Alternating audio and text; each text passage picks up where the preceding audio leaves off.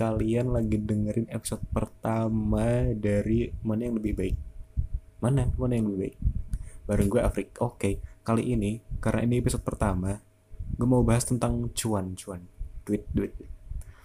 Lebih tepatnya bagaimana kita menilai harga jasa seseorang. Gue bikin ini karena ke-trigger habis nonton kontennya Panji Pragiwaksono sih yang harga temen. Cek aja di YouTube masih ada kayaknya sama karena gue ada beberapa pengalaman yang buat gue resah aja sih pengen buat ini anjir. Jadi lebih baik harga teman atau harga yang standar menurut kalian. Kita bahas ya. Oke pertama kita mulai dulu dari definisinya. Apa sih harga teman sama harga standar itu? Sebelumnya gue kasih tahu dulu kalau gue itu kerja sebagai seorang drafter atau bisa disebut tukang gambar sih ya kayak misalnya kayak gitulah. Yang bantu arsitek ataupun engineer buat gambar kerja biar bisa dilaksanain pembangunannya. Nah mirip-mirip kayak gitu. Kayak buat gambar rencana gitu buat dokumen proyek. Gue kan karyawan ya tapi kadang aktif juga sebagai freelancer sendiri gitu. Gue lagi libur freelance soalnya lagi sibuk tugas kuliah. Sibuk banget asli anjir. Pusing banget gue. Ngambil arsitek ternyata nggak se menyenangkan yang gue pikirkan. Oke balik lagi ke topik pembahasan. Jadi lebih baik harga biasa aja Atau harga standar? Oke kita mulai dari harga standar deh. Harga standar atau harga normal Atau harga yang biasa kita pakai adalah harga yang ditentukan di muka yang merupakan jumlah biaya yang seharusnya dikeluarkan untuk membuat satu satuan produk atau untuk membiayai aktivitas tertentu. Ini gue dapat definisi gue cari di website sih. Jadi intinya kalau harga standar itu ya harga yang biasanya dipakai untuk memulai negosiasi dengan calon klien. Contohnya gini. Gue gambar rumah tinggal nih harga standarnya 2% sampai 3% dari rencana total anggaran biaya. Uh, total apa? Rencana anggaran biaya itu kalau semisalnya harga rumah itu terbangun gitu. Misal aja rumah itu kalau dibangun total rencana biayanya 250 juta. Nah, 2 sampai 3% dari 250 juta itu rentang harganya 5 juta sampai 7,5 juta Nah, berarti rentang harga kita itu dari uh, 5 sampai tujuh setengah itu kita bisa tuh mainin harga di, di sekitar itu. Perhitungan harga ini udah dikaji dari harga pasar dan tentu aja melihat dari peraturan seperti di IAI atau Ikatan Arsitek Indonesia. Nah, dalam rentang harga itu kita bisa buat negosiasi sama calon klien karena wajar aja sih kalau klien itu kan maunya harga murah ya ya pastilah setiap orang kan punya pemikiran mereka sendiri. Yang penting kita sama-sama untung gitu kan. Apalagi kalau ya kita kan pengennya harganya setinggi setinggi mungkin ya. Cuman kan itu pasti nggak bisa harus ada negosiasi dulu biar adanya kesepakatan yang hakiki gitu. Biar kita kerja enak klien juga puas gitu sama service kita. Nah gitulah kira-kira. Oke berarti harga standar kira-kira gitulah pembahasannya Oke, sekarang kita bahas tentang harga teman. Harga teman kayak yang sering kalian dengar ya secara umum adalah seperti sebuah permintaan harga yang lebih murah dari biasa kita berikan pada calon pembeli pada umumnya. Nah, mungkin mirip-mirip seperti itu ya di masyarakat tuh udah berkembangnya. Tapi menurut gua sama Panji terutama karena gue lihat Panji kan, menurut gue ini salah kaprah sih menurut gue. Seperti seperti yang Panji bilang tuh yang dia bilang gini kalau lo beneran teman gue lo tuh pasti lebih bisa mengapresiasi gue ketimbang orang lain pada umumnya yang bukan teman gue karena lu kan tahu susahnya belajar gue perjuangan dari awal sampai bisa jadi sampai saat ini. Itu semua lu tahu. Kalau beneran lu temen gue harusnya lu bisa mengapresiasi jerih payah gue dong. Nah kira-kira seperti itulah uh, apa uh, percakapan apa ya namanya uh, yang diomongin sama Bang Panji. jadi gue setuju sih sama bang Panji soal harga teman itu emang seharusnya di atas dari harga biasa. Karena ya kan emang teman kita sendiri kan ya yang tahu perjuangan kita dari nol dari bawah sampai saat ini bisa gambar cepet bisa desain bisa uh, apa pakai software apa aja bisa uh, skillnya meningkat. Kan teman kita yang paling tahu kan nah misalnya gitu. Oke gue ada kasus kan kasus sih. Sebenarnya ada uh, contoh percakapan nih yang yang gue pernah ini yang gue pernah apa namanya gue pernah alamin. Oke misalnya gini. Eh gue mau bangun rumah nih lu bisa gambarkan ini teman gue. Terus terus gue balas bisa emang mau gambar desain kayak gimana? Yang simpel aja minimalis kali ya? Oke. Luas tanah lu berapa? Segini kecil doang. Oh oke. Harga gambar gue sekian gimana? Ini mahal banget deh. Harga teman lah. Oke. Jadi gini ya segini. Loh kok tambah mahal sih? Ya kan kita temen itu tadi harga standar gue masih bisa nego kok. Cuma karena lu ngaku temen gue ya gue naikin lah kan lu temen gue ya jadi dah kemahalan. Ya udah.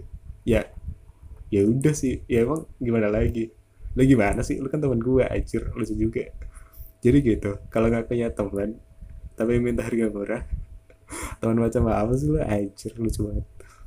Teman kan yang tahu susahnya kita gitu loh yang tahu perjuangan kita apresiasi paling besar tuh biasanya datang dari teman atau nggak dari saudara kita yang paling dekat lah dengan kita. Biasanya tuh datang dari orang-orang itu.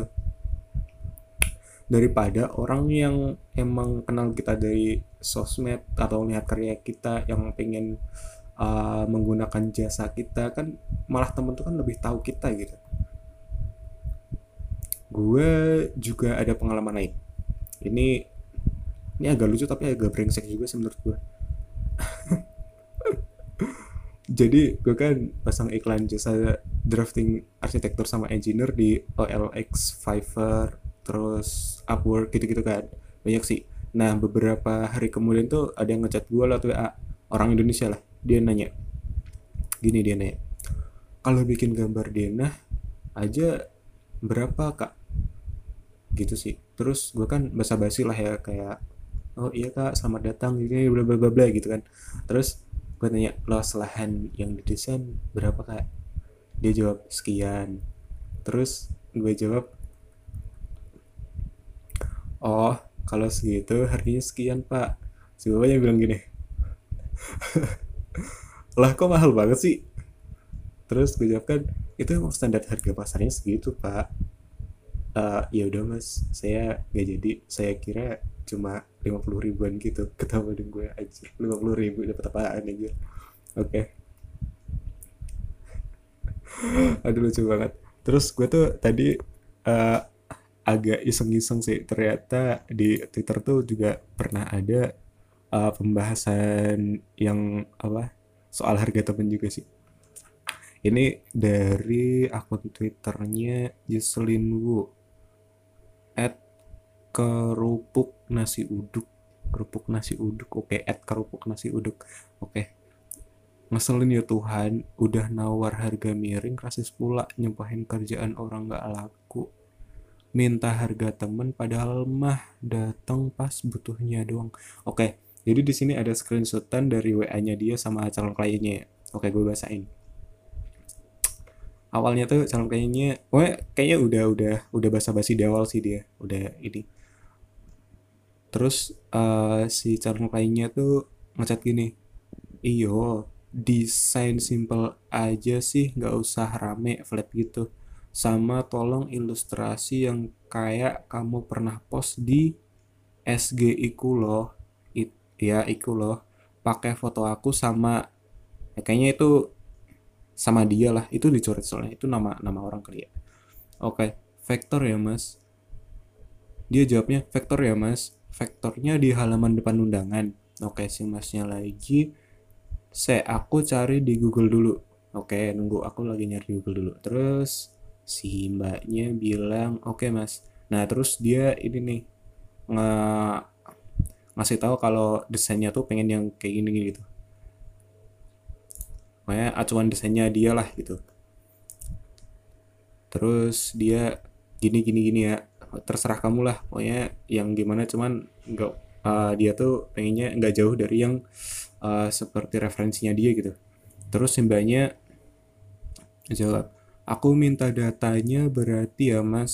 Sekalian sama foto yang mau dijadiin vektor. Kirim ke emailnya ke email ya pokoknya emailnya mbaknya dikirim ke email mbaknya. Oh ya berapa harganya?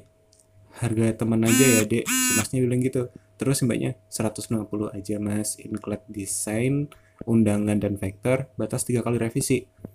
Terus si calon lainnya harga temen lah dek. Sama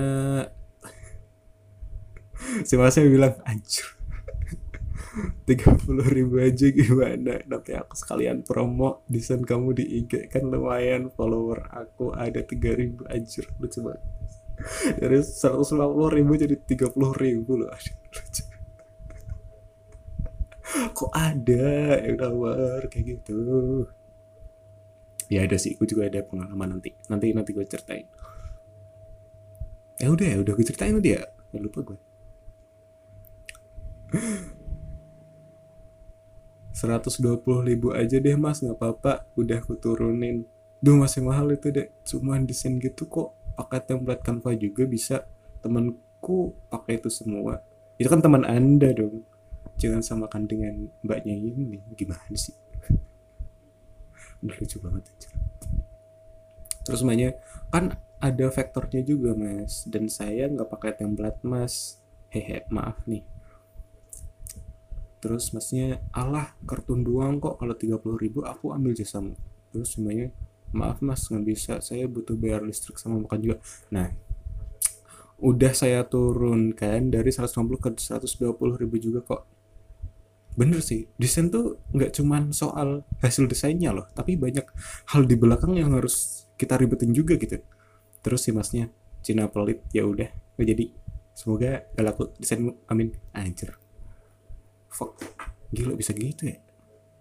Parah banget sih cuman uh, di akhir-akhir threadnya ah si calon istri klien calon klien itu udah minta maaf sih ya dan mbaknya udah nggak mempermasalahin jadi ya udahlah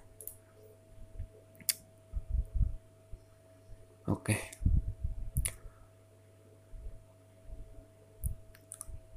sekarang hmm, gue bahas Oke, sekarang masuk gue bahas yang kenapa harga gambar atau desain itu mahal ya. Pertama, desain itu kita belajarnya lama. Belajar tentang dasar desain seperti visualisasi, tipografi, penyusunan huruf, kata, tata letak, eh, bentuk-bentuk, apa shape, terus kayak gitu. Masih banyak lagi lah. Uh, terus ada aturan yang harus dipatuhi gitu. Kalau di arsitek tuh ada yang namanya buku arsitek data itu tuh sebagai acuan dasar kita merencanakan suatu desain uh, mau itu bangunan bentuk eksterior atau sipilnya atau uh, interior juga gitu. Itu ada di data arsitek. Itu jadi acuan kita sih sebagai arsitek. Terus masih belajar tentang perkembangan bahan bangunan terus kayak peraturan-peraturan yang berlaku di negara tertentu gitu. Kalau di Indonesia tuh juga ada gitu lalu ada juga yang kayak uh, feng shui nah gitu, gitu tuh kita harus belajar aja ribet banget sumpah. Belum lagi belajar software gambar dan editing. Oh. Hmm. Hmm. Oke kita bahas tentang uh, software yang sering kita pakai. Uh, arsitek sih terutama arsitek sipil dan gitu-gitu. Terutama itu. Ah uh, pertama tuh gue gue kan drafter ya gue tuh sering pakai AutoCAD. Terus SketchUp terus Lumion uh, Revit nggak terlalu sih. Terus uh, Microsoft Office tuh pasti terus Adobe Adobe Photoshop sih yang pasti. Nah itu tuh oke okay, gue gua kasih tahu rentang harganya ya. Kalau AutoCAD tuh per tahun 23,5 juta itu yang 3, AutoCAD 3D 2020 itu ada di websitenya itu ada uh, tapi kan pakai dolar cuman kalau dirupahin sekitar 23,5 juta terus SketchUp Pro itu 4,5 juta per tahun terus Lumion tuh 45 juta per tahun Revit 36 per tahun 36 juta per tahun terus Microsoft Office tuh 1,8 jutaan per tahun terus Adobe tuh 12,5 juta per tahun oke okay. ah gue kan nggak mungkin ya beli-beli yang kayak gitu gue kadang tuh juga anjir. Gue juga ngerasa bersalah sih cuman kadang di kantor juga sih gue ngerjain kayak gitu. Ya gimana lagi anjir? Kan mahal ya. Mana duit gue oke itu itu itu dulu lah yang yang yang yang apa hampir basicnya gue pakai. Kalau dihitung-hitung itu jadi per tahunnya tuh bisa total harganya 123,3 juta per tahun. Oke kalau dihitung per bulan jadi uh, sekitar per bulan itu kita harus nyisihin sekitar 10 juta 275 ribu rupiah per bulan. 10 juta. 10 juta. Itu jauh banget dari gaji gue sih anjir. Ya Allah. Pusing banget gue. Itu baru harga softwarenya. Belum lu bayar harga skillnya.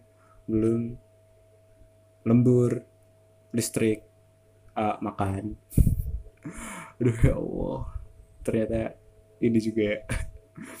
Jadi gini, kecepatan, skill, desain, sama jam terbang itulah yang klien bayar ke kami para desainer. Jadi bukan cuma soal hasil jadinya gitu, tapi kita tuh punya perjalanan panjang yang membuat kita tuh bisa sampai uh, desain kita sebagus ini, secepat ini. Ya pokoknya kita tuh punya perjalanan yang mungkin kalian nggak tahu gitu. Cuman tuh ya kalian kalau bilang, oh mahal banget sih, ya kita aduh anda tidak tahu perjuangan kami. Jadi jangan bilang ya elah, cuman gitu doang masa mahal, masa lama. Iya, oh, Anda tidak tahu kan perjuangan kami. Jadi kalau dibedah isi dari harga yang terbilang mahal itu sebenarnya gak ada apa-apanya sih sama dibandingin yang Allah harus belajar lama beli ini itu konsumsi yang bernilai itu itu terbilang murah sih. Jadi buat calon klien yang mau jasa desain ya tolong kalau nawar jangan sampai nawarnya tuh yang bikin sakit hati banget gitu. Masa masa gue sa berapa ratus ribu gitu kan soal uh, denah tampak potongan doang gitu berapa ratus ribu udah kan. Masa ditawar lima puluh ribu loh terus banyak tadi seratus lima puluh ribu. Masa ditawar tiga puluh ribu dong kan nggak nggak logis gitu maksud gue paling enggak riset dulu lah harga yang sesuai dengan budget kalian itu budget budget budget. Oke. Okay. harga sesuai dengan harga budget kalian itu berapa kalau mau gunain jasa desain. Sebenarnya banyak ya variasi harga di berbagai website. Itu banyak banget sebenarnya ada yang murah banget sampai mahal banget. Sesuaiin aja lah sama dompet kalian. Tapi beda harga juga mungkin ada beda kualitas servisnya. Kayak berapa kali revisi terus nanti bentuknya uh, softwarenya biasanya beda. Nah gitu-gitu biasanya menentukan harga juga terus ini juga kadang klien yang terlalu pengen harga murah tuh kadang klien yang terlalu pengen harga murah karena apa ya karena klien pengen harga murah tuh kadang para desainer itu yang baru terjun ke freelance memasang harga di bawah pasaran. Nah ini tuh sangat merugikan bagi freelancer lain yang emang udah ngikutin standar harga dari pasaran gitu. Mereka sama-sama uh, baru terjun tuh tapi kan cuman kadang ada freelancer yang emang uh, nggak riset dulu harga pasarnya berapa cuman masih masih apa masih harga yang menurut mereka pantas buat mereka. Cuman kan itu kalau di bawah pasar tuh kayak uh, apa ya nanti standarnya lama-lama akan turun terus gitu. Malah merugikan eh, lama-lama merugikan diri kita sendiri gitu. Kalau kita masang harga di bawah pasaran gitu. Memang kalau udah kesepakatan antara pembeli dan penjual itu bisa dikatakan sah sih emang bisa tapi kalau masang harga di website untuk jasa kalian nih uh, tolong se sewajarnya aja gitu. Uh, sesuaikan dengan harga pasar pasar yang ada sekarang aja. Karena kalau ya yang gue yakinin sih kalau apa seseorang itu kan riset dulu ya sebelum menggunakan jasa itu pasti kan kalau kita lihat portofolio kita terus dia suka kan dia juga bakal bayar sesuai dengan uh, harga yang kita mau gitu. Kayak oh ini ini kayaknya gambarnya bagus deh gue gue cocok. Uh, kalau kita tentukan harganya segini misal udah di di awal tuh udah ada kan biasanya di website website gitu dia pasti oh ya masih masuklah ke dompet gue dan uh, wajar lah harganya segitu kalau hasilnya emang kayak gini. Nah biasanya kan ada yang uh, owner yang mikirnya kayak gitu kan. Aduh capek banget gue oke ini udah terlalu panjang sih ke mana-mana. Jadi harga teman sama harga standar tuh lebih baik mana menurut kalian? Mungkin kalau dari penjelasan tadi banyak kali ya yang nggak setuju kalau harga teman tuh lebih tinggi dari harga standar. Ya kan kita temen kayak saudara masa sama saudara atau teman sendiri perhitungan. Iya kan bukan maksudnya perhitungan gitu cuman gue kan juga punya kehidupan yang harus berjalan butuh cuan juga buat listrik makan bayar uh, tempat tinggal gitu, gitu kan. Ya kan kita nggak makan dari solidaritas teman. Ya kalau namanya solidaritas mah lu yang enak lu yang sesara itu bukan solidaritas tai ya. Ngepet lah. Dah mau pakai harga standar atau harga teman terserah kalian lah Sekian juga jangan lupa follow podcast ini dan nantikan episode selanjutnya. Bye bye.